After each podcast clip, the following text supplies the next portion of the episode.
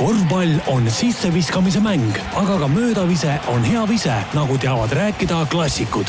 õigel hetkel aitab aja maha võtta ja asjad selgeks rääkida Optibett, sest algamas on korvpall kahekümne nelja taskuhäälingu saade Möödavise suur sügis on käes ning järjekordne korvpalli maailmameister on selgunud. Manta Maja stuudios on taas koha sisse võtnud seltskond korvpallihulle, et täis rääkida taskuhäälingu saade Möödavise järjekordne episood kuna Carl Rinaldo pagendasime koos Eesti võrkpallikoondisega Hollandisse komandeeringusse, siis saatejuhte on sel korral vaid kaks. püüdliku sissejuhatusega esinenud Siim Semiskar ning meie erialaekspert Marko Parkonen. enne kui ma tutvustan meie seekordset külalist, küsin Marko sinult, et kas MM-iga saadud korvpalli ületoos hakkab sul vaikselt juba lahtuma? ei, väga, väga, väga tore oli see MM lõpus ja ka see, mille peale ma viskasin eelmine nädal kriitikat veits teleka vaatamisel, siis seda jäi ka nagu selgelt vähemaks äh, lõpumängudega, mis nagu oli vähe, vähe parem variant, et sai kossu ka nautida. Noh. nii, igatahes, kui meie Markoga oleme pikalt unistanud, et keegi meie juttu ka tõsiselt võtaks, siis tänane külaline on meil mees, kes just lobisemise eest palka saabki. ütleme tere tulemast armastatud spordikommentaatorile ja hobitriatleedile Kalev Kruusile. tere! kuidas on, Kalev, kas äh, ise oled MM-pingutusest üle saanud?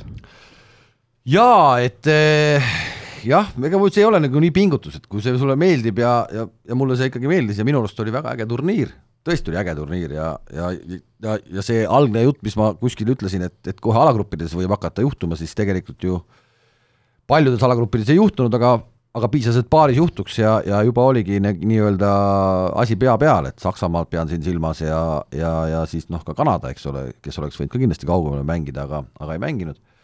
ja, ja loomulikult no alates vahegruppidest oli minu arust ikka puhas nagu, nagu creme brulee, nagu tänapäeval öeldakse, see turniir, et, et no ei olnud väga viletsaid mänge ikka tegelikult ei olnud. aga tulles korra, sa siin mainisid, et viletsaid mänge sinu arvates ei olnud, aga alguses tuli üsna palju esimese nädala kohta vähemalt kriitikat, et oli ühepoolseid mänge ja igavaid mänge. jah, aga, aga, aga, aga veel kord, ma seda kuskil nagu ülekandes ütlesin ka, et, et see Serbia sats, kes paugutas seal Filipiinidele kuuekümnega ja nii edasi, see Serbia sats oligi tegelikult äh, omaaegne ameeriklaste dream team. selles mõttes, et kui sa vaatasid lõpuks äh, enne kui nad hakkasid peksa saama, nende, nende võiduvahe keskmine oli nelikümmend koma neli ja va-, viimati oli selline suur võiduvahe üheksakümne neljanda aasta USA koondisel. ehk siis kõik ahetasid ja ohetasid, oi kui vägev, kuidas USA mängib, eks. tegelikult mängis Serbia samasugust kossu, kuni luu kurku löödi mm. -hmm. et, et selles mõttes tule, tuli ka nautida, see, kuidas virutati kaheksateist kolmest protsendiga üle viiekümne seal esimestes mängudes, no tegelikult oli ju see samamoodi nauditav, selge, et Filipiinid või Angola või kes iganes need seal vastas olid, nad ei saagi neile vastu, aga vaadata seda mängu, kuidas nad mängisid nagu nii-öelda, kui neil asi jooksis, siis noh, tegemist oli ikkagi nagu ikka vägeva satsiga et sina isegi nautisid neid mänge, kus üks pool oli selgelt üle ja nautisid seda korvpalli ja mängu no,. absoluutselt, noh, sa ikka ju näed seda meistritaset, see noh, proovi niisama visata sisse viiest viis kolmesid, no ja Bogdanovitš läheb ja paneb seitsmest seitse, eks, et või, või midagi sellist, et noh, tegelikult on see ju äge, noh, et ja noh, kohta valimata, kui sa ikkagi oled kaks meetrit kolmes joones taga, sa lihtsalt võtad, paned peale, paned kotti, näitab ikkagi nagu taset, noh Marko, sa oled kunagi seitsmest seitse visanud kolmes tagant? no kindlasti olen. ei no kõik me oleme, noh, selles mõttes me kõik oleme, selles mõttes Bogdanovitš, noh. Bogdanovitš peab veel natuke õppima, siin neid, noh, siin on neid paremaid mehi raudselt ümberringi palju, parem, palju parem kui tema. jaa, aga seesama Bogdanovitši nagu värk tuli uuesti välja, okei okay,, neil kaks mängu läks aia taha, noh, see võib olla nende, nii nagu nad ise väidavad, et see pinged ja muud asjad. no seal ma jään aga... ikka selle juurde, et see treener ei saanud seda satsi mängima ikkagi. ja, ja seal oli aga Bogdanovitš oli hea näide, oli viienda koha mängus, noh. Et samamoodi hullas ja pani jälle tagus ja kõik oli jälle fun, et nagu need kaks mängu, mis seal vahepeal juhtus, oli nagu unustatud ja mehed jälle nautisid seda mängu, noh, et äh, aga vaadates Bogdanovitši kehakeelt ka, siis ta on ikkagi mängumees, noh. no absoluutselt ja, ja veel, veel samad jutud, et ma kuulen alati, ma, ma ei saa sellest kunagi aru, eriti siin Eestis räägitakse hästi palju sellest, et ei no kellele seda pronksi mängu vaja on, et mis asi see on, lõpetage ära, tegemist on proffidega, nad tahavad, et selle pika suve lõpuks midagi jääks kätte ka! Ja pronksi mäng on alati nendel turniiridel, on see EM, on see MM on täpselt samamoodi, et finaali vääriline, seal on medal mängus, isegi võib-olla rohkem on medal mängus, kui näiteks Argentiinal finaalis oli, sest neil, neil oli hõbe käes niikuinii juba. et, et need pronksi mängud, need on tegelikult eh, väga vajalikud ja neid peab mängima. see on ju eriti hea on ka üllataja võistkondadele, noh, et praegu näiteks olgem ausad, see Austraalia muidugi fenomen, et seal pronksimängus jälle et nad ei saagi oma medalit, mis sa arvad, et nad ei tahtnud seda medalit, nad tahavad, eks. Neil on nüüd no. neljanda koha diplomeid seal terve korvpalliliit täis, noh. just. aga mitu mängu sul äh, üldse tuli kommenteerida kogu MM-i ajal, kas sul on need konspektid? Äh, mul ei ole seda, mul, mul ei ole seda ja, ja ma tegin seal kaks ka,, noh, sattus ju vaata selles mõttes pahasti, et mul, meil ei ole ühtegi koosseisulist töötajat peale minu, et ma olen ainukene ja, ja teised teevad ju kõik oma teiste tööde kõrvalt seda ja, ja siis juhtus veel see, et Raunol oli ju, on häälega praegu probleemid. Ja loodetavasti see hääl ikkagi taastub tal ja, ja nii edasi, et ja, ja siis noh, Tarmo Paju käib palju nagu ikkagi põhitööl ja, ja ei saa, et siis ma pidin need hommikupoolsed mängud ikkagi ise ära sättima ja ja ega ma ei teagi, ma ei ole kokku lugenud, palju sealt tuli, paarkümmend tükki ikka tuli vist või? ma peaks mainima, et ma, äh, ma tunnistan oma viga, ma ei tea ta nime, aga Valvat Pukk kommenteerib KHL-i. KHL-i, jah. jah, äh, see oli üks lõbusamaid mänge, kui ma vaatasin, kuidas ta kommenteeris, et jaa, talle, talle meeldib, jah. ta seletas ilusti ära, kuidas korvpall on lihtne mäng, et kui sa oled ku-, kuuega maas ja paned kolmes, võtad palli ära, paned uuesti kolmese ja no mis matemaatika on lihtne. jah, et mis siis on aga, mi, aga milline, milline mäng sinu jaoks oli nagu kõige meeldejäävam nendest, mida sa kommenteerisid, et äh, ilmselgelt sa lähed kõikides mängudes äh,, lähed nagu emotsionaalselt sisse, aga milline, kui sa praegu tagantjärele mõtled? Prantsusmaa, Leedu kahtlemata äh,, Austraalia äh,, Prantsusmaa, see oli minu arust üks ilusamaid mänge, see sada üheksakümmend kaheksa, mis lõppes, ta oli nagu nii kvaliteetne mäng igatepidi. et seal nagu üks ees, teine ees, üheksa punkti vahe, juba tullakse jälle järgi ja no see oli nagu, nagu lihtsalt kvaliteedi tipp, et ma alati toon seda, ma soovitan noorematel üle vaadata, kui keegi leiab täispikkuses mängu äh, kaks tuhat kaheksa Pekingi olümpia USA Hispaania finaal ma pean seda jätkuvalt äh, üheks ägedamaks rahvuskoondiste mänguks läbi aegade. no kui ei leia, siis mul on DVD-na olemas see mäng. just, ja, ja, ja, ja mulle tu-, ja, ja see, ja mulle selle mängu, selle Prantsusmaa, Austraalia mänguga, mis lõppes sada üheksakümmend kaheksa, mulle natuke nagu meenus see mäng, et see oli nagu nii kvaliteetselt hea mäng.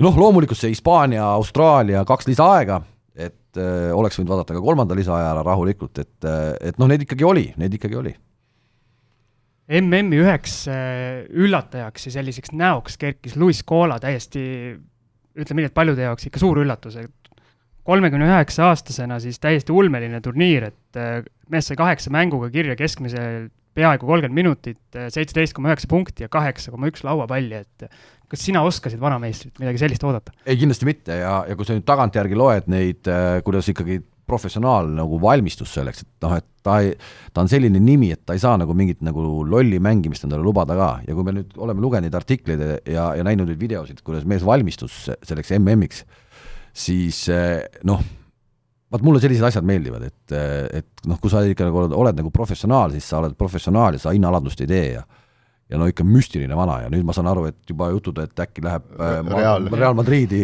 et annab seal paar minutit ja miks mitte, eks, miks mitte seal tegelikult Realis on ju üks Felipe Reiese-sugune mees, on ju näida-, näitab, et suudab küll ja, ja, ja ja vot sellised kujud mulle meeldivad, noh, see on, tegelikult on ikka nagu raju, rajud vennad ikka. no mulle on Scola nagu meeldinud kogu aeg, et kui ta on seal, mängis alguses Hispaanias enne NBA-d enne ja kõik muud asjad, pluss tema tehnilised oskused, kui osav ta on korvi all. ja oskus omandada vanast peast, kui ma hakkasin seda statistikat vaatama, mida ma seal ülekandes ütlesin ka, et kolme punkti vise tekkis mehele aastal kaks tuhat kuusteist selleks ajaks ta oli neliteist aastat juba koondises Läk, mänginud. Läkski ranne lõdvaks selle vanast peast. jah, et, et selles mõttes, kuidas ta oskab nagu noh, ta kohaneb, no ütleme, et ta on nagu niisugune nagu no kaks tuhat kaks või kaks tuhat, kui ta koondise välja läks, noh, inimesed helistasid telefoniputkast, eks ole, kõnekaartidega. ja tänaseks meil on nutitelefonid taskus ja Skola on enam-vähem, mulle tundub, et samasugune mees, et ta kohaneb selle eluga kogu aeg ja läheb kaasa sellega ja, ja, ja kõik, tänaseks on mees siis nutitelefon. tal on kindlasti ka mõni telefonikaart taskus. no just, noh. aga samas finaalis mees nii vana ja nii kogenud mehe kohta ei saa vist öelda, et ta põles läbi, aga kas, kas sai jaks otsa? ma pigem ütlen, et ikkagi seal oli äh, Scola, kuidas ma ütlen, Scariol, ma ütlen, seal oli Hispaania pink oli teinud selle töö nii hästi ära, kuidas Scola mängust välja võtta. seesama Piero Riola algkoosseisu panek, turniiri esimene mäng mehel finaalis algkoosseisus, ta polnud sinnamaani ühtegi mängu algkoosseisus olnud uh,. Vist veerandfinaalis või kuskil alustas okay. veel, ta võttis ka samamoodi samamoodi, tal, tal oli mingi roll ühesõnaga. kedagi võttis ja. maha, aga ma ei mäleta täpselt, kelle vastu. ja vot selliseid käike vaadata, tegelikult on see ikka nagu sünge, kuidas vennad hammustavad läbi, me saame sellega hakkama. et näiteks leedukad ei saanud hakkama, nende jaoks oli üllatusfaktor, jätkuvalt ütlen, oli üllatusfaktor Aaron Bainesi leitud kolm kolmest neljast viskest on üheksa punkti, tulevad lihtsalt nii-öelda kotist, mille, mille, millega sa ei ole arvestanud, eks. et ja Bensiga ei saanud sealt ka hiljem hakkama veel, aga lõpus viimastes mängudes juba saadi. et see, et see üllatusfaktor nagu võeti maha ja Skolaga samamoodi, et, et sellega saadi nagu hakkama ja, ja noh, midagi ei ole teha, Hispaaniale tuleb selle eest, Hispaania treenerite pingile tuleb selle eest mütsi tõsta. aga seal nagu esimest korda lõi finaalis välja ka, kuidas tegelikult Brasiil- või need argentiinlased läksid päris närviliseks ja Scola eriti, okei okay,, me saame aru, et sa oled pika turniiri pannud, palju minuteid, ilmselgelt ka väsimus ja sul ei õnnestu ja sealt hakkas nagu veits juba palju närvitsema, kohtunikega rääkima, kõik, aga, aga, aga, see kõik oligi, see oligi hispaanlaste töö, see oli, see oli kodutöö, teemegi nii, et ta ei keskenduks mängule, vaid ta läheks nii-öelda provotseerime, provotseerime. ja noh, kes on paremad provotseerijad eesotsas Rudi ja kõikide nende meestega, et noh, see on ju kamp eh, ikkagi šaakaleid, noh aga Marko, ma küsin äh, sinult kui treenerilt, et kas see on selline pika turniiri fenomen, et äh, need vastaste mängud suudetakse võtta nii pulkadeks lahti, kuna ongi enne finaali juba seitse mängu kõikide ees avali, et äh, no, olgem ausad, need vennad on päris suured professionaalid ja nad on päris palju ka omavahel mänginud, et ilmselgelt nad juba teavad nii või naa mängijate tugevusi ja nõrkusi ma tean, et no Hiina konkreetselt nad mängisid ju tegelikult, Hispaania, Argentiina mängisid viimase omavahelise kontrollmängu ennem turniiri ja. algust, et, et ikkagi väga värskelt mängitud. kindlasti hoitakse potentsiaalsetel vastastel peal, potentsiaalsetel mängijatel silma peal, nad on juba enne suure tõenäosusega kodutööd ära tehtud seal mingisuguste vastaste vastu, aga no ma tean, et Hiinas oli kehv see internet, et siis nad ei saanud selle väga pulkadeks vist lõigata, et neil oli kogu aeg häda seal sellega. sellega oli häda, see suur häda, ma kuulsin ka, ikka iga, iga, iga treener üt-, aga... abitreener ütles, et ei ole võimalik tööd teha. no siis aga, võeti VHS-id appi ilmselt. aga kindlasti, kindlasti, no see mäng käib sellisel tasemel, et äh, kui sa ei omanda, kui sul ei ole neid abc tavalisi oskusi, siis suure tõenäosusega sa ei löö kunagi seal läbi ka, noh et seal on, sa pead reageerima nii kiiresti, kohanema ja noh, seda on lust vaadata tipptasemel, kuidas nad mängivad, noh et ja kui sa oledki väsinud, siis suure tõenäosusega sul ei õnnestu midagi. et äh, minu jaoks oli samamoodi, mis mind eriti üllatas, oli Hispaania tegelikult kogu turniiri väitel kaitsemäng. mida Scariolo ütles ennem turniiri algust, me hakkame kaitsele rõhuma, meil puuduvad Navarrod, meil puudub ka Pogasol, meil puudub Calderon, eks, Carbajosat ammu enam ei ole, et meil ja noh, Mirotic ka on ju, meil sellised vennad on puudu, me hakkame kaitse pealt rõhuma. ma natukene no. ikkagi kahtlesin selles. noh, just, aga tegid, tegid ja, ja, ja, ja puud-, ja Hispaania puhul mina olen selle MVP valimisega sada protsenti rahul, nagu Ricky Rubio, keda siin juba tegelikult eelmistel turniiridel juba olümpial oli jutt, et noh, polegi tegelikult mingi mees ja nii edasi, nüüd, kus tal oli vaja võtta, vana võttis ja tegi, et noh, viis koma neli punkti seni keskmiselt koondise eest mängus ja sellel turniiril kaheksateist see on ikka nagu märgatav vahe, pluss söödud pole kuskile kadunud ju, et noh, söötude arv oli ju ka suurem tavali-, sellest, mis ta tavaliselt paneb, et selles mõttes nagu ikka kõva mees, noh. ja tema muidugi üks tugevamaid trumpe on kaitsemäng. no absoluutselt, just see on tal niikuinii, eks.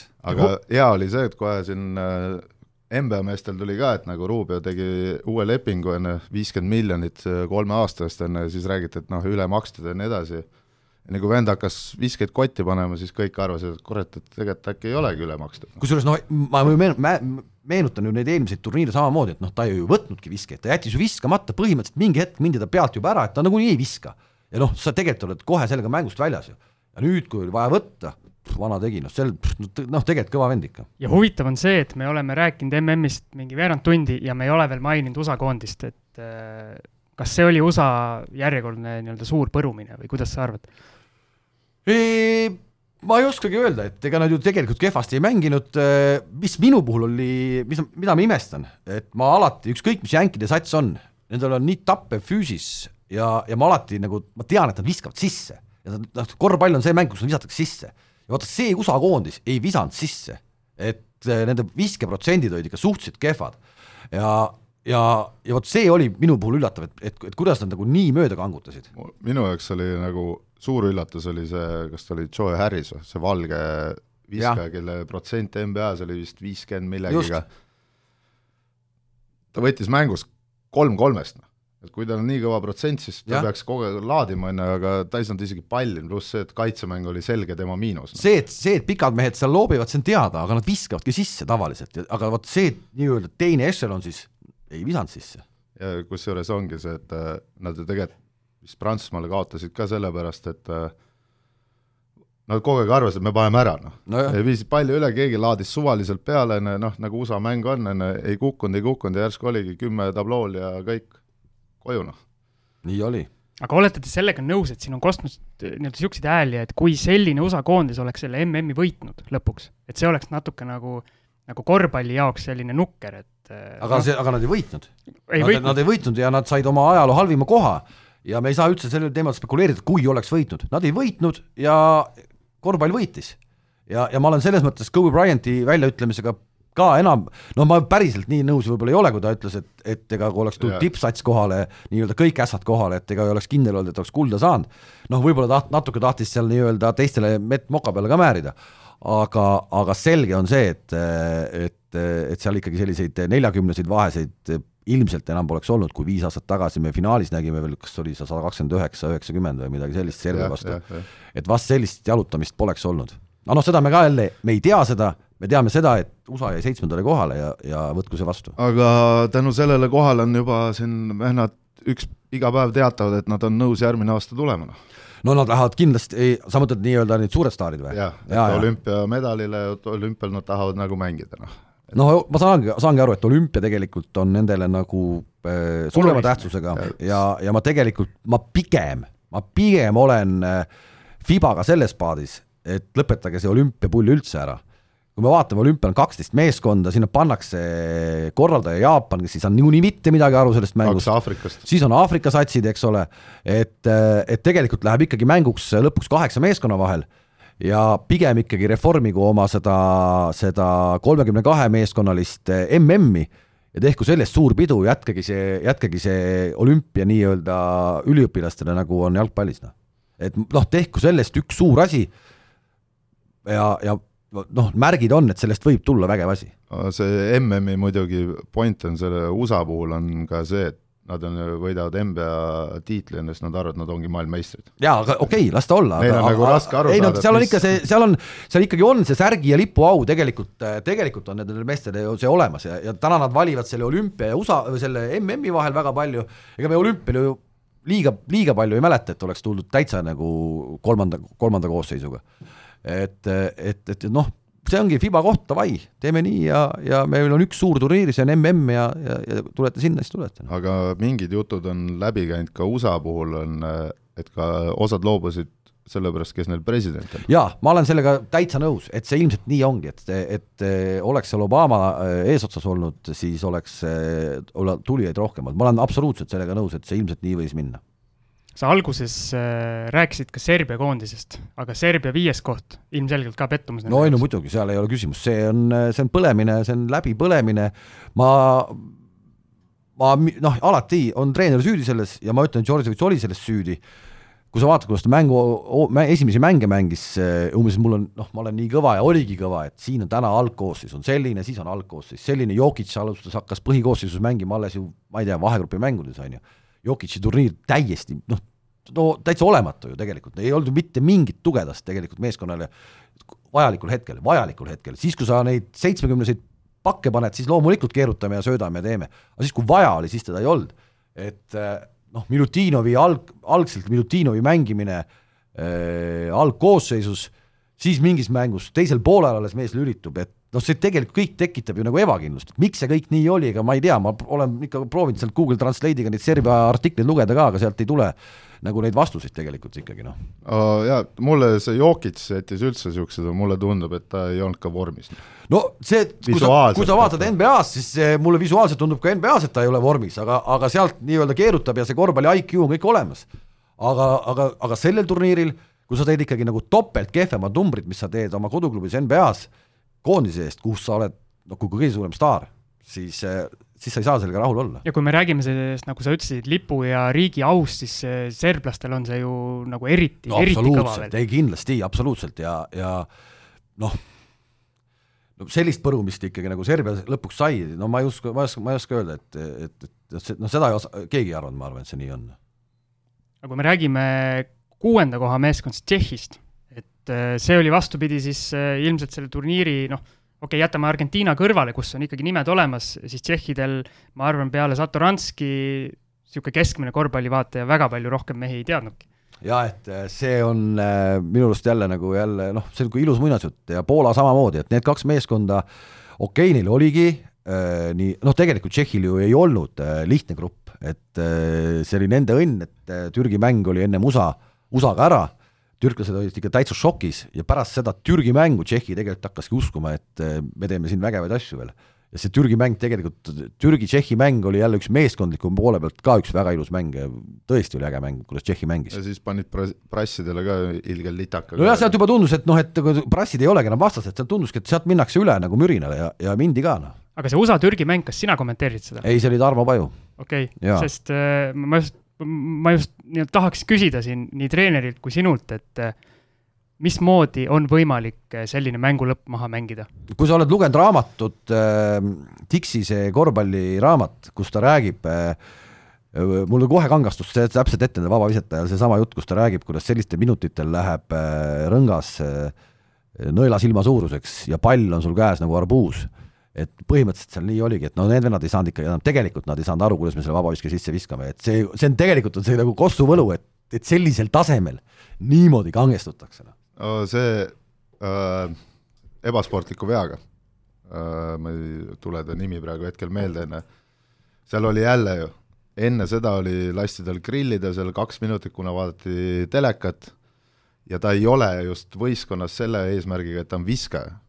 Ja, ja siis ta panigi, esimese vabaka pani ette konksus, teise ta juba pani niimoodi, et ta astus ju põhimõtteliselt viske ajal, ta astus juba sammu tagasi, nagunii on möödas, noh ja, ja, ja see oli, see, see Balbait siis jah, jah, ja, ja, ja kusjuures Balbai ei ole ju üldse kehva kehva mees, okei ta vabaviske protsent vist ongi kuskil seitsmekümne juures, aga no kahest ühe ikka lükkad ära, aga no need kaks tükki olid ju nii no, lootusetud. pani teise, pani veel hullemini kui esimesena. no just, no see oli nii lootusetud, et seal ei olnud nagu, nagu varianti ka, et see mees oskaks sisse visata no.. ja siis oli Audis Iljasova vist oli, oli järgmise, või see oli see Osman vist Os oli. Seedi Osman oli, jah. ja minu meelest käidi jälle vaatamas telekat, et ta sai jälle grillida seal enne, sa tead, et sul sõber pani ennem kaks tükki mööda ka, et noh, ja oli, ja nii ta lagunebki. ja kui me räägime Osmanist, see ei ole mingi mahlamüts, see ei ole mingi tavaline vend, et ei, ei selge see, keda nad kõik on ju tegelikult, nad kõik on ju ja. ikkagi nagu, aga see on selle mängu võlu ja, ja mängu ilu ja võlu ja noh, ega noh, pane jalgpallis ka vendi pendlaid lööma, aga, aga kui sa mängid Brasiiliaga lisaaja peale ja lähed Brasiilia vastu, no ükskõik, oled MM-i poolfinaalis, no, no siis on see värav nii väike ja väravaht on nii suur, et no kuidas ma selle sisse löön, noh. aga seal oli päris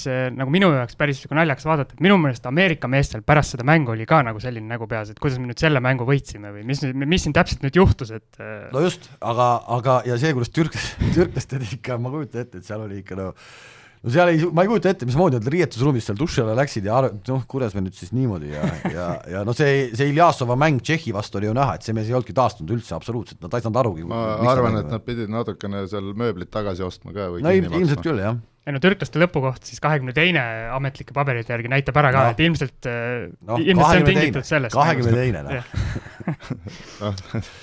aga liigume siis, liigume siis sellise teema peale, mis ka väga, väga kirgi küttis, et, et kohtunikud. et ja Kalevil on kohe midagi öelda. ei, mul ei ole nagu selles mõttes nagu öelda, et noh, ta läks ju igale poole valesti, et ja see oligi kurb, et ta läks valesti ja kui mängijad ma mõtlesin seda, et sa, sa, et see Adomaitis võttis mul sõnad suust ära tegelikult seal pressikonverentsil, ma ennem juba ütlesin kellelegi seal pärast seda Leedu mängu ka, et et kurat, need vennad on, nad ongi ju kaks kuud ohverdanud oma puhkusest suvest, nad tulevad, nad on kõik nii profid. ja kui sul on juba olemas see varrsüsteem nii-öelda, siis noh, siis kasuta seda, sa tee sellega, noh jalgpall, jalgpallis on hea näide olemas, jälle jalgpall teeb paremini kui korvpall, nad võtsid selle varri ja nad ei, nad ei kõhkle seda kasutamast ja see on muutnud asja õigeks. aga vot need vennad nüüd, nüüd kartsid, et ei, ärme lähmegi varri vaatama, noh, et noh, et no, no miks me panime selle kuramuse süsteemi siis üldse? aga seal oli see, Marko eelmises, eelmises saates meil ka nii-öelda tõstatas selle teema, et seda vaatamist mingil hetkel oli nagu nii palju. mis see, siis? see tempo täiesti mis nagu siis, ei no kuule, come on, mis siis, see kõik on nullitud. see, see, see, selles mängus oli kohe selge, et need mehed ei valda teemat, kui nad esimest korda vaatasid ja arutasid omavahel viis minutit asja, mis on ka nelja-aastasele miniklassi korvpallurile juba selge. vennad arutasid, noh, vennad arutasid viis minutit mingit kuramused täiesti aru, arusaamatut teemat, siis mindi veel üle vaatama, kes see number ikkagi oli. Nad olid nii punases ise juba selles mängus. see on no,, see, see on no, hea jah, et no., et vaatavad seda numbrit juba no., arutavad, et kes viskab, on ju, aga seal oli see point, et no põhiteema käib selle rõngalt äralöömisega, mis nad oleks pidanud ära lugema. just. aga nad ei saa Kossus mängu kinni pidada, et lähevad telekat vaatama sel-, pärast ju äh, on ju kohtunikud öelnud, see oli koht, mida oleks pidanud vaatama, mis, mismoodi see aga nad oleks, nad oleks pidanud ennem, äh, keegi oleks pidanud vilistama selle mängu surnuks. no vilistadki surnuks. ei olnud ju, Dekolo läks ja pani pärast kaks sangu. jaa, aga miks sa ei vili-, ma räägingi, miks sa ei vilista surnuks, kui kahtlus on, vilista surnuks ja mine vaata varri, noh. aga nad no., nad olidki, neil ei olnud kahtlust, nad olid nii kindlad oma arust ja võtsid jaa, okei okay,, no vot no., aga ja see, noh, selliseid variante oli veel ja, ja, ja see on kindlasti asi, mida FIBA, millega FIBA peab tegelema kui nad tahavad sellest turniirist teha suure turniiri ja sel-, alati jäävad kohtunikud süüdi mingis asjas, alati jäävad, aga natuke liiga palju oli igale ja, pool, mõlemale poole, kõigile poole. sellised eksimused nagu jätavad eriti halva mulje, nagu ja. oli see Leedu-Prantsusmaa, seal oli neid veel, oli, aga aga no no, no, no needsamad, no see noh, et me, seda me võimegi vaidlema jääda, seesama Austraalia-Hispaania mäng, et kus seal laua, lauavõitluse olukorras siis Gasolile tehti see viga, noh, eks Need on kõik, aga need on teisel pool anti seesama kergelt no, tagasi aga siis anti kohe vastu ka, eks, okei okay,, siis oli nagu üks-üks on ju, see Päti Millsi viga polnud ka mingi viga, on ju.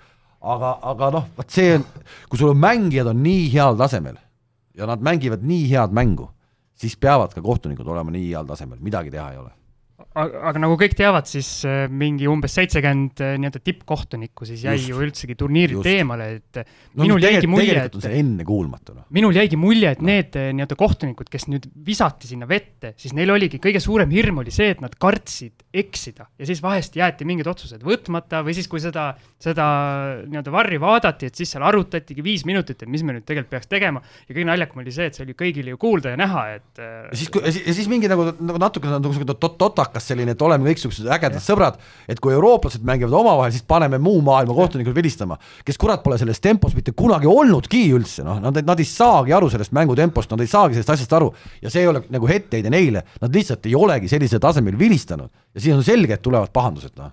Ja see, see oli, see oli jah, see oli üks parimaid komöödiaid üldse, kuidas need välis või väljaspoolt Euroopast vennad no mingid Filipiini ja, ja Jaapani ja mingid sellised Mehhiko kohtunikud ikka... arutavad ja teevad, noh et see on nagu noh, ja vot sellega peab kindlasti FIBA tegelema, ma, ma, ma loodan, et tegelevad aga sellega. ikkagi jah, kui on seitsekümmend tippmeest on puudu, siis ikkagi suurturniirilt, siis on ikka keeruline. no on, noh, see on, see on ikka ennekuulmatu värk tegelikult, noh. aga ma siis küsin sellises, et, et sa kommenteerid hästi palju Euroliigat ka, et kas see Euroliiga ja FIBA, see tüli peab eh, nagu selles mõttes lõppema, et muidu on nagu korvpallil no, muidugi, meie, meie, meie võime kõik ju öelda, et muidugi võib lõppeda, aga no need rasvased suudega vennad, need ei taha ju lõpetada midagi, et noh, et selge see, et me võime kõiki asju öelda, noh.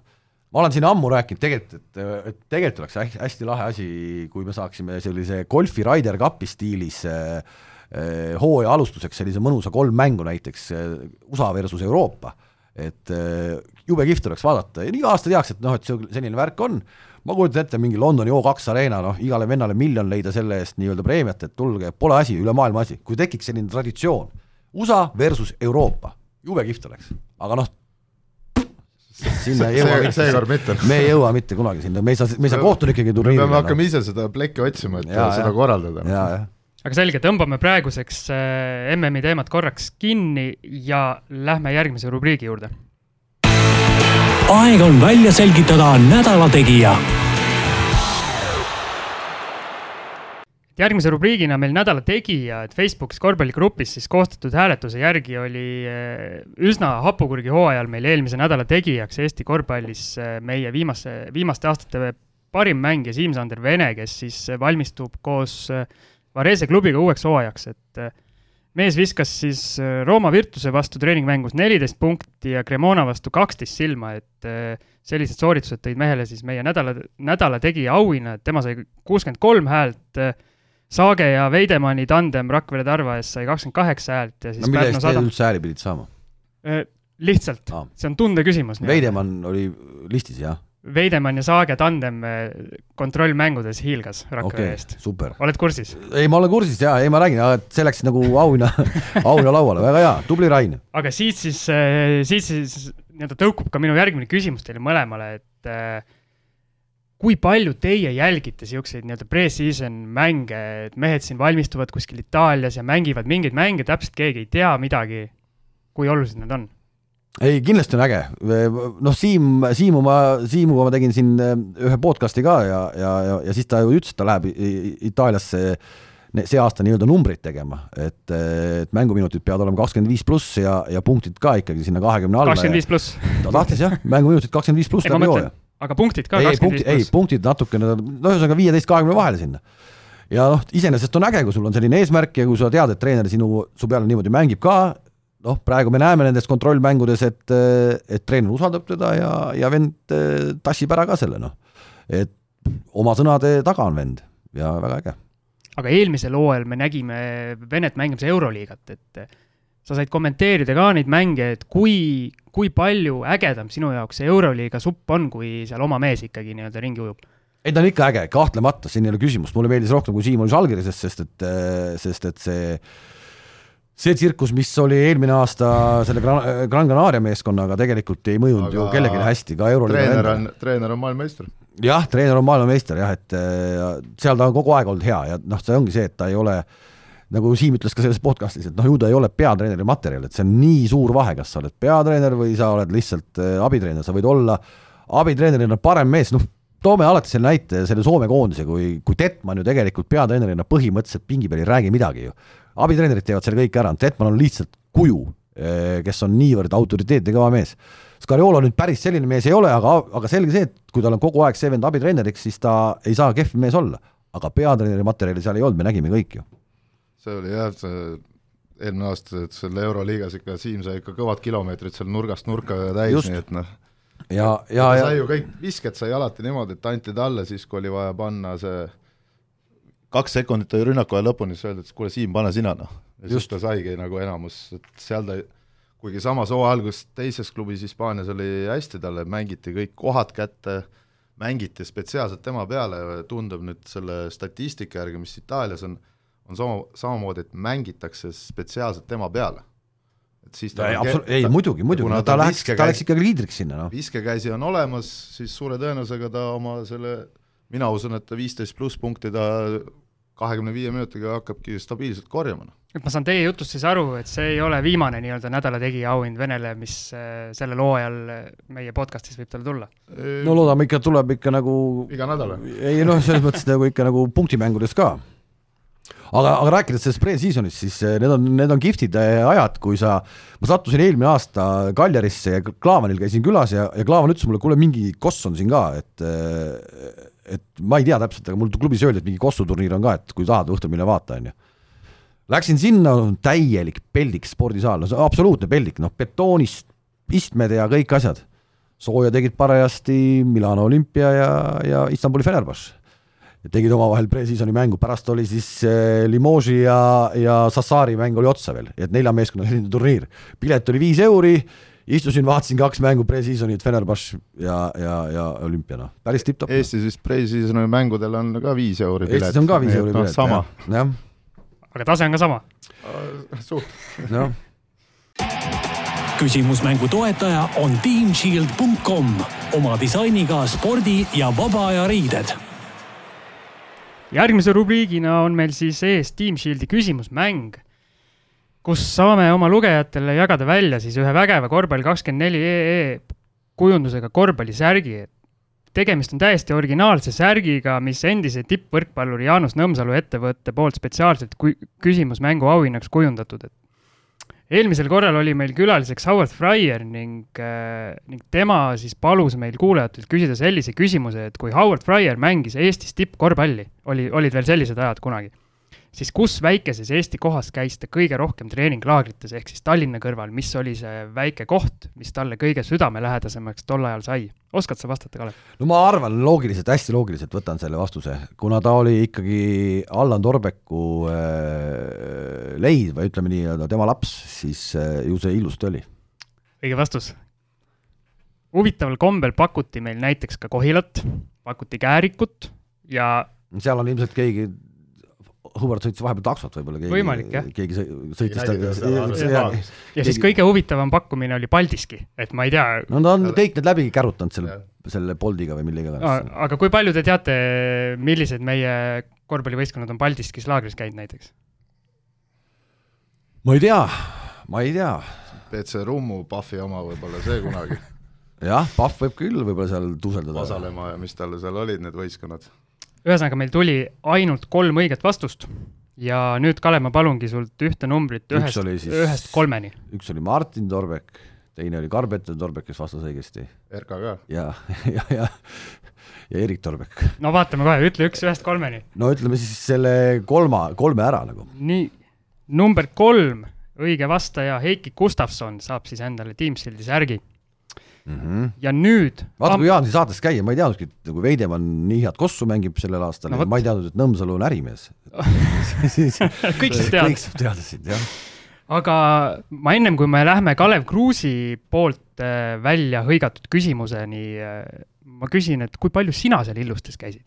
mina ei käinud, ma ei olnud Oski poiss, ma olin Kalinini poiss, et äh, konkurent? jah, Kalini rajooni spordikool, et meie ei käinud, meil oli äh, meil oli siis, oli piirilaager mingisugune ja, ja siis oli meil Väimelas äh, Võrus, kus äh, oli siis härra Kaiv, Kaiv oli siis peatreener Kaliinis nii-öelda, seal oli tema vend vist elas seal ja siis seal Väimelas oli selline, selline nagu spordilaager meil Kaliininiga ja, ja Tsikiga oli meil siis Kurgjärvel kogu aeg need laagrid, et ma ei, mina Illustus ei käinud. aga Oski poisina sa said siis mängida meeste vastu või tähendab, sa said mängida Oski poiste vastu, kes olid siis illustes treenitud, et kuidas äh, ja, ja ei muidugi Oski poiste vastu, ei muidugi noh, no uue Hendrik ei osanud Parve oli vähepikk ja, ja Reinumäe ja kes seal kõik olid, et ei, sai mängitud küll nende vastu, jah. nii, aga küsimusena siis Kalevil äh, lähme tema ühe suurima, võib öelda, et suurima hobi juurde. jaa, kindlasti. et äh, ei siis... no tegelikult võiks ta olla suurem, et ma jõuan ikka harva viimasel ajal kalale, aga, aga jah. jah, et nagu Kalev ütles, siis on, on on meil kalapüük, on jutuks ja küsimus on selline, et teatavasti, teatavasti Kalev teeb ühes suures Eesti telekanalis sellist saadet nagu Kalamehe jutud, et mis kanal see on? mina ei vaata seda saadet. TV6. TV6. TV6. et selline saade nagu Kalamehe jutud. erinevalt peab no, mainima, et ma pean kõik saated ära vaadata. no jaa, ega ma, ega ma, ega ma seda mis selle saate nimi sul oli siin, Viska mööda? möödavise. seda ma ka ei kuula ja tead, ega no, aga okei okay. see on viik. viik üks-üks jah aga lähme nüüd küsimuse juurde, et äh, küsimus on selline, et mitmes erinevas riigis on Kalev Kruus Kalamehe juttude saate raames kala veest välja tõmmanud mm? -hmm. oli õigesti sõnastatud? jaa, jaa, võib-olla küsi-, võib küsida küll nii. nii, ja teeme siis niimoodi, et äh, õigest, õigesti vastaja saab endale Team Shieldi särgi, kui loosiõnn naeratab ja lisaks, kui nimetada ära kõik õiged riigid, siis äh, saab. Nende vahel loositakse välja no siis seda ei tea meil isegi saate produtsent, ma arvan, et Nende no. vahel loositakse välja siis Kobe Bryanti uus raamat Hamba mõtteviis. oled lugenud? ei ole, ei ole. aga Kobe Bryantit mängimas? ei no oled näinud? eks ma ikka olen jah, et samas Itaalia peldikus selles saalis. No. seal ta, kuigi ta on ju Itaalia päritolu mees natukene, et siis oleks võinud seal ka olla, aga ei olnud. mängija profiil, üks inimene, erinevad vaatenurgad ja järgmisena naaseme natuke MM-i teemadele, et meil on ees persooni rubriik ja sel korral siis äh, võtame ette Hispaania, võib öelda siis staari ja vanameesti Marc Gasolli, et äh, kes siis tegi tänavusel aastal sellise asja, et mees tuli kõigepealt Toronto Raptorsiga NBA meistriks ja siis äh, võttis Hispaaniaga ühe tiitli veel, et mis kommentaarid on, mehed? Scariolo poiss, et eh, ma arvan, kui Scariolo poleks olnud Torontos abitreeneriks, võib-olla ta poleks sinna, teda poleks osatud sinna võtta, ma arvan, et eh, et kui ta ikkagi läks hooaja lõpus või veebruarikuus vist läks sinna Torontosse, jah. et ju seal ikkagi nähti, et seda on vaja ja, ja, ja noh, MM-il me nägime ka, et teda ikkagi on vaja, kuigi ühes mängus ta jättis ta ju vaata seal kolmandal veerandal pingi peale, mis oli ilmselt nagu väike taktikaline lüke ka ja pärast seda, kui mees tuli, siis ta ikka oli nagu tõsiselt tõsiselt heas hoos. kusjuures selle üleminekuga oli veel see, et äh, Mark ise ütles, et ta umbes ei, lõpetab karjääri Memphises ja nii edasi, et ja siis põhimõtteliselt kaks nädalat hiljem vahetati Valanciunas. jaa, ja see on, see on enam-vähem nagu Antonas Kavaljauskas ütles, ma ei mängi kunagi Žalgirises ja järgmine hooaeg oli Žalgirise särk seljas ja tegi sooja. ma ütlen siia vahele, kas oli statistika ka, et kaheksas mängus siis keskmiselt kakskümmend kaheksa ja pool minutit, neliteist koma neli punkti, viis koma viis lauapalli ja veidi üle nelja resultatiivse söödu, et kas pika mehe kohta see neli resultatiivset söötu näitab natukene, mis rollis ta Hispaania koondises oli? absoluutselt, aga, aga kui sa täna vaatad neid pikki, kes nii-öelda tõesti on head, palju seal skoolasöötud olid, ega ei olnud ka vähe Äh, ja need pikad tõepoolest tegelikult ju täna oskavad seda anda ja seda noh, Jokitsi puhul ka oodati seda ja, ja, ja veel kord tagasi tulles selle Serbia juurde, et ju noh, milline, milline materjal oli Djordjevitšil käes, kui sa saad Jokitsit kasutada kolme erineva koha peal ja nii edasi, siis seda ei tulnud, aga Gasol tegi oma asjad ära Äh, mulle, no Jokitsi puhul oli see ka, et ta võib-olla natukene ka mängis üle nende söötudega, noh et ta seal proovis seal kogu aeg läbi meeste sööte ja nii edasi. no just, mis läks nagu, mis nagu läheb seal NBA-s nagu läbi, okei okay,, tal on pallikaotuste arv seal suur ka, natuke, ikkagi on suurem kui, kui kes-, noh, kui võiks olla, eks, aga noh, seal käib sellist nagu ja no, vahe on äh, muidugi siin ka, et vaata, NBA on niisugune individuaalne kaitse, siin abistatakse ja, ja. igast kama head korraldatakse kogu aeg, on ju, aga Gasoli puhul on see, mis ta läks reaalselt iga mäng paremaks. mis on, mis on nii, ka suure mängija tunnus. jah, et äh, need, kui oli juba poolfinaal ja finaal enne, siis ta ikkagi oli seal juba väga hea. võrreldes seda, mis ta tegi nagu alagrupis, siis nagu ei tundunud, et ta heas vormis oleks või mis iganes, no kogu Hispaania koondis tegelikult oligi, et alagrupp no, lasti kuidagi läbi.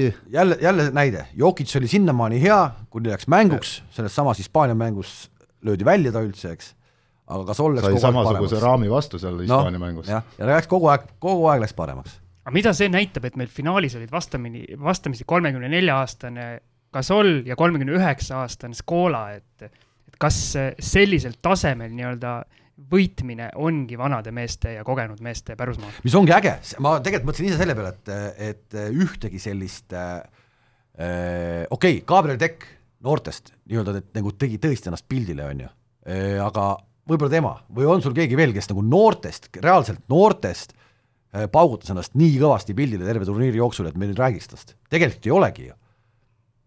et noh, Tekk ainukesena Argentiina koondises äh, tegi nagu ikkagi väga korraliku, väga korraliku turniiri, ta on kahekümne nelja aastane vist oli vist või, et noh, me saame öelda nii-öelda ikkagi veel nagu noormees.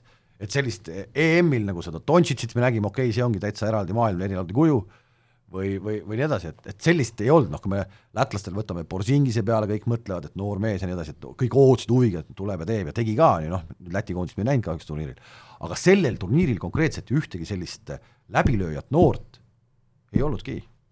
see on pigem minu arust huvitavam veel. jaa, et see, seal oligi ikkagi, mängivad ikkagi need mehed, kes on terve hooaeg kuskil eh, kandnud oma liidrirolli ja nii edasi, et ega seal, seal on väga raske äh, väga raske ka noorel läbi lüüa, kui sul on niisugune arsenal kõrval, noh. sa peadki olema mingi supertalent, no võib-olla tõesti ah, üks mees, kes mulle isiklikult meeldis, oligi kuskilt Aafrika satis kahekümneaastane tagamängija, äkki ta oli Nigeeriast, kes mängib NBA-s, noh Mm -hmm. ta iseenesest oli nagu, tal olid nagu oskused olemas, aga nad lihtsalt ja okei okay,, ja noh, ütleme see Nil, Nil Kino ka, eks, prantslastel, aga noh, ta ei olnud nagu, okei okay,, ta ei olnud kehva kindlasti, eks, aga, aga, aga, aga, aga läks ka paremaks, aga me juba teadsime teda nagu seda taset, et ta ongi niisugune nagu NBA mängija ja ta on ikkagi drafti seitsmes valik ja ta on ikkagi nagu nii-öelda noh, juba me-, noh, tegija, eks. et ta tegi nagu omad ära, aga ta ei olnud nagu midagi sellist, et, et ahhetaks nagu. no Teki puhul on see, et ta ei ole Realis ka nagu suur skoorimees, et ta nagu tundub nagu rohkem niisugune Mustamäe tegija. just, aga vaatame nüüd see aasta.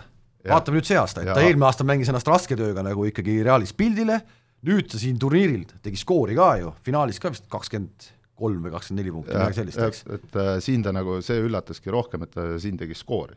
Just, aga vaatame nüüd see aasta ka, et noh, et ma pakun, et ta teeb oma see aasta väga korralikud numbrid. sellepärast Scola sinna viiaksegi. no ongi nüüd, kui see Scola ka Reali läheb, siis on nagu natukene niisugune Argentiina koondise siis on, siis on, siis on, siis on neli, neli meest, neli meest on Argentiina koondisest, noh, et see on päris päris raju, noh. aga no kokkumäng peaks olema ju väga hea. ei no absoluutselt, noh. ja noh, see minu arust see Campazzo, see on ikkagi, see on ikka pull vana. ma igaks juhuks ka see küsimus, mis sa siis lõpuks tõid selle Scola ja Gasoli vahe, et äh, need mõlemad mehed on tegelikult mänginud nii palju nagu otsustavaid mänge kõrgetel tasemetel, finaale, poolfinaale, nii edasi, võtke Hispaania koondis, peaaegu kaheksa meest on ju kogu aeg olnud kuskil medalil, aastast aastasse, noh no ma näiteks arvan, et Austraalia kõrbeski sellega, et ne, nad ei ole nagu nii palju neid mänge no, saanud. no need mehed ikkagi nüüd juba on, aga ma pigem no arvan, et hakkasid näiteks... otsustama jälle need mehed, kes nagu üldse ei teadnud, et nad koondist saavad no.. just, et noh, ja sama tegelikult natukene ka, Scariolo ütles seda pärast poolfinaali ka, et ikkagi see kogemuste värk on, on nagu nii tähtis, et noh, USA satsi võtame siia kõrvale, eks, USA-s ka ikkagi noor sats, vist oli turniiri keskmise vanuse poolelt teine või? et eh, noor sats on ju ja mi-, ja noh, ma ju nii täpselt kursis selle NBA meestega ei ole, aga minu arust need mehed ikkagi reaalselt keegi väga play-off'e mänginud ju ei olnud, et eh, või vähemalt väga kaugele pole jõudnud, et nad sellist nii-öelda elu-surma peale mängu, nad ei tea, mis see tähendab. jaa, et et see ongi nagu, ja eriti veel vaata, NBA play-off on see, et sa saad kaks tükki kotti, sul on veel aega parandada. sul on parandada aega, jah. siin on, saad kotti, oled kodus, et et ma arvan, et need oma kogemustega ongi need mängijad, kes nagu lõpuks tassisidki oma satsi, noh. et ma räägin, Marko Sool ei teinud põhimõtteliselt eriti midagi, seisis nulli otsas, sai palli, kui Ruube andis, pani kolme vahepeal, okei okay,, ja ka, ka ikka, no ta on, ta on ikkagi, ta on, ta on kogu aeg seda osanud, aga, aga see ja. peab, see peab täna ikka sees olema, et siis pikal mehel.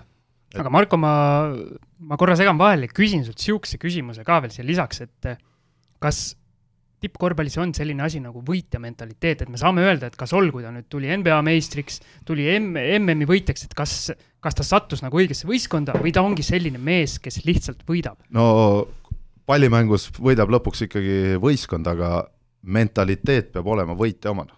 see peab olema ka kogu satsil või vähemalt kolmel-neljal liidermängijal, kes hakkavad sind tassima.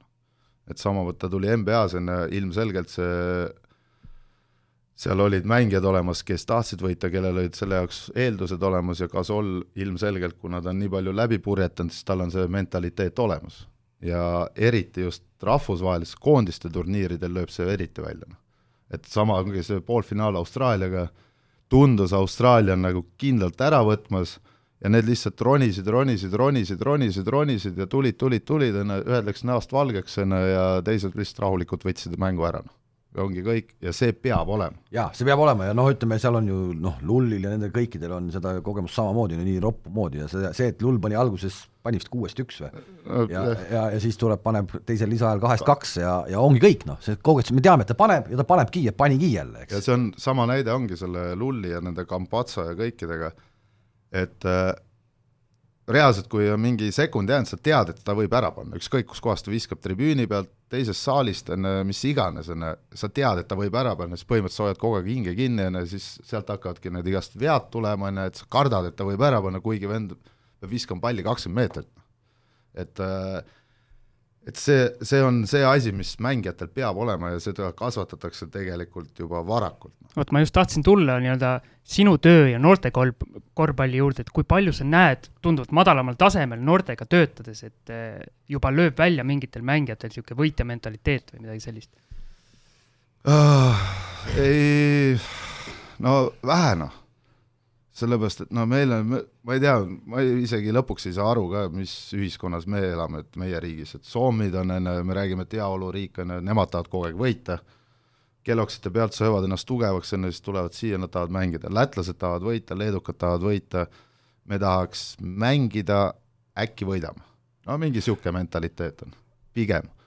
on ka muidugi mängijaid, kes on ju, tahavad, sa näed trennis seda, aga pigem on nii, et noh, ma ei tea, mängime üks-üht, et no ma ei tea, ma eile võitsin sind, et noh, sa võid ka täna viis punni panna, noh. no samas sa vaatad neid kõiki Balkani maasid, noh, Kossus on Montenegro vennad, kõik, kõik, kes ah, no seal on, noh vaata, seal on, seal on ikkagi see, et meil täna ikkagi ei ole juba seda, seda eeskujukultuuri sellist nagu oma, oma, oma vendade näol olemas, et kes see läbi põranda läheb, et noh, et davai, et lähme, on ju et meil täna ikkagi tegelikult seda eeskuju ees juba noortel ei ole ja see võib vabalt, vabalt ka selle taga olla, et, et nad ei, nad ei saagi aru, et ja, ja noh, Euroliigat nad ei vaata, sest see on liiga hilja ja, ja noh, noh okei okay, Pole mõni... tellitud pakette ja ja just, mis iganes, no jaa, jaa, et ühesõnaga ühesõnaga see, see, see seis on kurb, noh. aga on seda on vaja kasvatada mängijates, noh. reaalselt seda on vaja kasvatada, sama on, kui ma mängin turakat, siis ma ei taha kaotada. Noh. ma mängin ka oma mängijatega vahepeal turakatena, ma ei taha kaotada neile mind ei huvita, noh. ma mõtlen selle igast välja, võib-olla nad ei oska mängida, siis ma ikkagi tahan neid võita, ma ei anna nii, et kuule, et võida mind ka kaks korda, noh. või ükskõik, mis asi on, on ju, sest tavaliselt ikkagi enamus asjad peaks käima võidu peale, noh. ei, Ironmani triatlonit ma ei võida kunagi. oh, väga hea, et sa selle teema sisse tõid, et kuidas su triatloni karjäär läheb? Aa ei no mis mul, mis ka, ei, ei, ei, see on kõik, ei, väga, väga äge, see on uskumatult, uskumatult äge, äge seiklus on see, see päev, kui sa võtad selle päeva ette ja teed niisuguse pika spordipäeva, et ei, ma normaalne, täna tegin hommikul ka juba väikse, väikse rattatiiru siin lõigutrennid, proovin nüüd lõigutrenne teha ka, et äkki läheb paremaks, aga no niikuinii ei lähe, aga ma ikka proovin. mitu korda sul ühe võistluspäeva jooksul tuleb mõte pähe, et pekki küll, et mida ma siin teen üldse? mitte ühtegi korda, et eh, tegelikult ka see mu elu esimene triatlon, mis ma tegin selle olümpiadistantsi seal eh, Valgas, kus ma jäin viimaseks, eh, konkreetselt viimaseks, sest ma sain selle kuradi kuumuse haamri seal.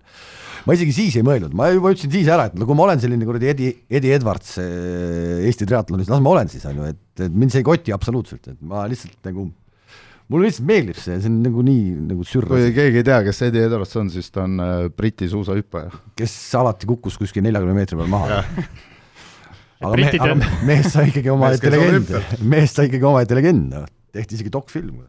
Marko, millal sul esimene triatlon ees on? noh, vaatame kunagi. soovitan, soovitan, ausõna soovitan, et äh, see on kihvt asi see ma, ma veel kord, kes, kes mõtles välja selle täispika, et paneme need alad sellise pikkusega nagu kokku ja et tegelikult see on, see on kihvt vend, kes selle välja mõtles. Noh. huvitav, kas see idee tuli sellest, et ta tegi need ise ära ja siis mõtles, et oi, paneks need kokku, paneks kokku, hea lõbus, niisugune pühapäev. jah, et saab niisuguse pikas, kui tahab ikka sporti teha, siis saad sporti teha aga ma saan aru, et sina jätkad nii-öelda triatloni lainel harrastussportlasena edasi? jaa, ikka, ikka, muidugi, see, no ta ei ole nii hirmus, kui kõik arvavad, et see noh, täna hommikul ka ärkasin, viisin poisi lasteaeda rattaga, sõitsin oma viiskümmend kilti ära, tulin siia, noh nüüd lähen tööle edasi, õhtul on jalgpalliülekanne, homme lähen ujuma. et see, see tunnikese kaks sa ikka päevas ju leiad enda jaoks, et kui sa ei leia seda tunnikest kaks päevas enda jaoks, siis on tegelikult natuke midagi valesti, sa pead leidma, noh, sa pead leidma selle, selle aja, noh. mitu triatlonit siis hooaja jooksul tuleb, noh? Mul tuleb suhteliselt vähe, et eh, noh, neid pikkasid on Otepää ja siis nüüd see täispikk ka oli ja Avail on ka üks. no Availe ma ei saa, et minusugused lödipükse sinna ei saa, et eh, et sinna lähevad ikka maailma parimad ja kui sul loosiõnn ei naerata, nagu Raivo ja Tammel naeratas, siis, siis sinna sa ei saa ja ega ma ei taha sinna väga minna ka, sest see läheb nii põrgulikult kalliks, et eh, sinna minek, et ma sinna, seda ei taha, aga aga neid väiksemaid sutsakaid on ja, ja, nende väiksematest ma soovitangi kõigile, kes noh, tegelikult ka nüüd ma hakkan jälle seda triatloni juttu rääkima, aga tasub proovida, see on nagu tegelikult naljakas ja kes tahab väikest proovida, siis näiteks Tartu mill, lihtne ujumine, allavoolu lähed Emajões äh,, mitte midagi ei näe, vesi on nii sogane, mitte midagi ei näe, et sa ajad kogu aeg jalaga ja äge. aga millal sa viimati korvpalli kätte võtsid? ei, ma nagu mängida ei taha viite miinust äh, ma võin mängida. Aga nagu päriselt lihtsalt mängida, ma arvan, ma pole seda teinud juba viisteist aastat vist, et äh, nagu ma tegelikult, tegelikult tunnetasin, et ma ikkagi vanasti nagu natuke sain sellele mängule pihta. Ja kui ma noh, täna enam ikkagi ei saa seda pihta ja kõik on nagu nii halvasti, siis ma ei saa sellest nagu positiivset emotsiooni, et miks ma seda peaks tegema. Ja, ja, ja, ja ei, ma ei, ei, ma arvan, et ma ei mängi ka enam kunagi no.. kellele viimasena koti pähe tõmbasid viies miinuses? Ossa, neid on ikka palju neid on ikka palju. sa võtsid kohe, kutsusid kõik kokku ja siis kõigile? jah, ei, neid on ikka, neid, ei, ei noh. aga viimasena? ma ei mäleta praegu tõesti, ma pärast ma praegu mõtlen. ma sellest jutust saan aru, et nende viskekäsi on veel olemas, jah? jah, vot seal väikses korvis üleeile võitsin oma pooleteistaastast poega. see oli kindlasti väärt no ikkagi võit, ma ei taha no, võit on võit, õige. võit on võit, on ju, aga aga ei jah, ma ei oska niimoodi peast, ma ei mäleta. Aga liigume siis korra su, võib öelda siis põhitöö juurde, et äh, on siin jutud käinud, et TV Play Sports hakkab äh, uuel hooajal ka lisaks Euroliigale ja nüüd siis MM-ile üle mhm. kandma ka NBA kohtumisi, et kas mm -hmm. sa saad natukene avada seda teemat? saan küll, äh, mitte ainult äh, TV Play, vaid ka TV6. TV6-te jõuavad siis need pühapäevased mängud, mis on natuke varasemad kui need öösed, et see kella kümnesed ja üheksased või mis iganes seal on, need on siis TV6 eetris ka, kolm hooaega on meil see leping ja, ja ma ei oska täna veel öelda, kui palju me mänge näitame, aga, aga no arvatavasti ikkagi näitame päris palju. täna on meil ka nüüd see järelvaatamise võimalus Telias vähemalt vist, eks ole, ja, ja, ja ilmselt tuleb teistesse kohtadesse ka. et ei pea öösel ka üles ärkama, et võid hommikul kohvi kõrvale panna, panna mängima ja, ja saad ka järel vaadata. kui suur NBA fänn sina oled üldse? Ma olen, ma ei ole, ma ütlen ausalt, ma ei, ma ei ole ja, ja, ja minu jaoks, ma olen seda varem ka öelnud, NBA hakkab peale play-off idest, et ma tegelikult ka, ma olen käinud vaatamas kahte mängu koha peal ja, ja, ja ma tegelikult pärast esimest mängu juba ütlesin, et ma ei lähe rohkem vaatama. siis, kui ma teist mängu vaatasin, siis mõtlesin, et kurat, ma siin olen ikkagi, et no miks ma, noh et miks, et ma olen nii kauges riigis ja, ja ja, ja tegelikult ma võiks need kolm tundi teha midagi, midagi ägedamat, kui vaadata põhiturniiri mängu New York Knicks ja Boston Celtics oli tol ajal siis see mäng, kus äge oli ainult kolm minutit, kui tehti vahe kaheksa sisse, ülejäänud ajaga, siis on no totaalne jama minu jaoks. ja, ja need kolm minutit oli tõesti äge vaadata. Ja pärast seda oli vahe kaheksa punkti, ma mõistan neid selles mõttes kõike, aga noh, see ümber show, mis seal tehakse saalis, noh seda tasub vaadata, seda tasub õppida, see, kuidas USA, usakad oskavad turundada asja, see kõik on äge. Ma mõistan muidugi seda, nende seda ka kaheksakümmend kaks põhiturniiri mängu, et seesama Boston see päev mängis siis New Yorgis, kaks päeva hiljem mängis juba Lakersiga, noh, see, see polegi reaalne noh, et, et su kõik mängud on sellised, nagu nad on Euroliigas. see, et nad Euroliigas on nii tõsine andmine käib, on ka tegelikult juba üle mõistuse noh kas äh, see NBA nüüd see pühapäevane, siis see on seesama pakett, mis kas TV6 ja Kanal kaksteist on seotud või ei ole? Kuule, kuule, kuule, kuule. ei ole, ei ole, ma lihtsalt ma olen ikka täitsa ma panin, ma panin lihtsalt kuus, kuus korrutasin kahega, noh. aga kas Viasati peal või TV Play peal on äh, sama, mis TV6 või seal tuleb mingi teine programm? ei, ei äh,, ma täna ei tea, et ma ei, ma ei oska, ma ei oska selles mõttes öelda, et, et kas nüüd TV, meistrite liigas jalgpallis me näitame nagu ühte mängu ja teist mängu niimoodi, ma ei tea, kas seal pühapäeva õhtuti NBA-s, kas seal on erinevaid mänge samal kellaajal või mitte?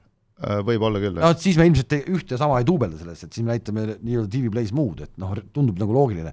aga veel kord, see on nii värske, kõik sai nagu lõplikult ametlikuks, kuigi ma karjusin selle pühapäeval juba finaalis välja, siis kõik sai lõplikult ametlikuks eile ja, ja nüüd ma saan küll öelda, jah, kolm hooaega on see, on see leping meil tehtud aga ma küsin siis selliselt, et eh, kas me kuuleme ka sind kommenteerimas neid NBA asju, et sa pead ennast hakkama kurssi viima? ma pigem arvan, et, et, et ei, et täna on meil ikkagi neid NBA spetsialiste siin eh, Eestis eh, on juba üle kolme, katsun nendest paariga kaubale saada. Ja, ja ma pigem arvan, et, et ei, et noh, et mind on niigi nii palju igal pool juba, et, et ei ole vaja ja las see NBA jääb nendele, kes sellest tõesti nagu põlema lähevad, et et noh, ma ei lähe kuidagi, seal on neid kurat pause nii palju ja värki, kuidagi tempo läheb maha, tead. paneme selle ainsa eestlase, kes on mänginud NBA-s, paneme tema kommenteerima. ma olen Martinile tegelikult pakkunud eh, ka Euroliigas tulekut, aga noh, ta on ju nii laisk, et ta ei viitsi ja, ja, ja, ja siis ta ei tule ja, ja no ta, praegu, ta praegu peab tegema skautingut järgmiseks hooajaks, algavaks hooajaks. jaa, ei, ma saan aru, noh, nüüd on käed-jalad tööd täis ja, ja ja, ja, ja siis ma kuulsin, et ta on ikka heasse vormi ka tõusnud, et äh, ta ikkagi on ennast nii-öelda vormi viinud selleks äh, lõpumänguks, et vähemalt jutud käivad sellised. jaa, ma eile nägin nende sõprusmängust, äh, oli näha, et on ikkagi platsi äärest on ikka vormis. samas käivad jutud, et ta ikkagi hakkab juba peast treeneriks ka minema, et vanasti ta oli selline cool ja rahulik ja umbes niimoodi, aga nüüd ta ikkagi pidi juba sõimama, et sellest eile ta veel ei sõimanud. no vot, jutud käivad, ma pole ise näinud ka, ma räägin lihtsalt seda, mida linna peal räägitakse tundub siin nii-öelda Kalevi salajuttude põhjal, et ka Eesti-Läti liiga hooaega, hooajal tasub silma, jah, silma peal hoida, et siin võib, võib üllatusi tulla, jah. mulle on eh, noh, kõik alati küsivad või noh, muud asjad ka, kelle poolt sa nagu oled, ma pole kunagi kellegi poolt, välja arvatud siis tõesti Žalgirise poolt, ma olen küll, ma ei vaidle seda ja ei vaidlusta seda, aga aga siis eh, mulle alati meeldib eh, vaadata treenereid rohkem kui tegelikult nagu mängijaid, et see on nagu äh, see on nagu noh, tegelikult peentöö, mida teevad tipptreenerid, kuidas nad seda asja teevad ja, ja, mille sees nad kogu aeg on. et see on, see on äge, on see jalgpall, on see korvpall, on see midagi muud. aga ma arvan, et oli sul veel öelda? Euroliigas läheb samamoodi edasi et ja ei no samamoodi ei lähe, sest mänge on rohkem, et me näitame ka rohkem mänge ja ma olen seal piilunud neid kavasid juba ette ka seal, et seal tuleb ikka päris rajult, et nüüd on ju kaheksateist kaheksateist satsi, et juba selle tõttu on nagu mänge rohkem ja, ja eks me näitame ka samamoodi. ja Žalgiris mängud on kõik? ikka, ikka, seda ei saa, et äh, ma mäletan, sellest on nüüd küll ikka palju aega möödas, kui Žalgiris nii-öelda Viasat, tollane Viasat Sport Baltic võttis need õigused ja läks siis nii-öelda maksulise kanali peale, siis mu Leedu kolleeg ütles, et ta reaalselt peab võtma endale turvamehed, et teda ürit-, teda tahetakse maha lüüa, et noh, et selle, selle eest peab maksma kuus eurot kuus nagu, on ju no tänaseks on see mure kõik murtud juba. ma annan ühe idee, võiks kaaluda, sest Eestis ei ole niisugust asja, ja minu teada sada üheksakümmend kaks riiki kannab seda üle, on Hispaania karikavõistlused veebruarikuus Copa del Rey korvpallis.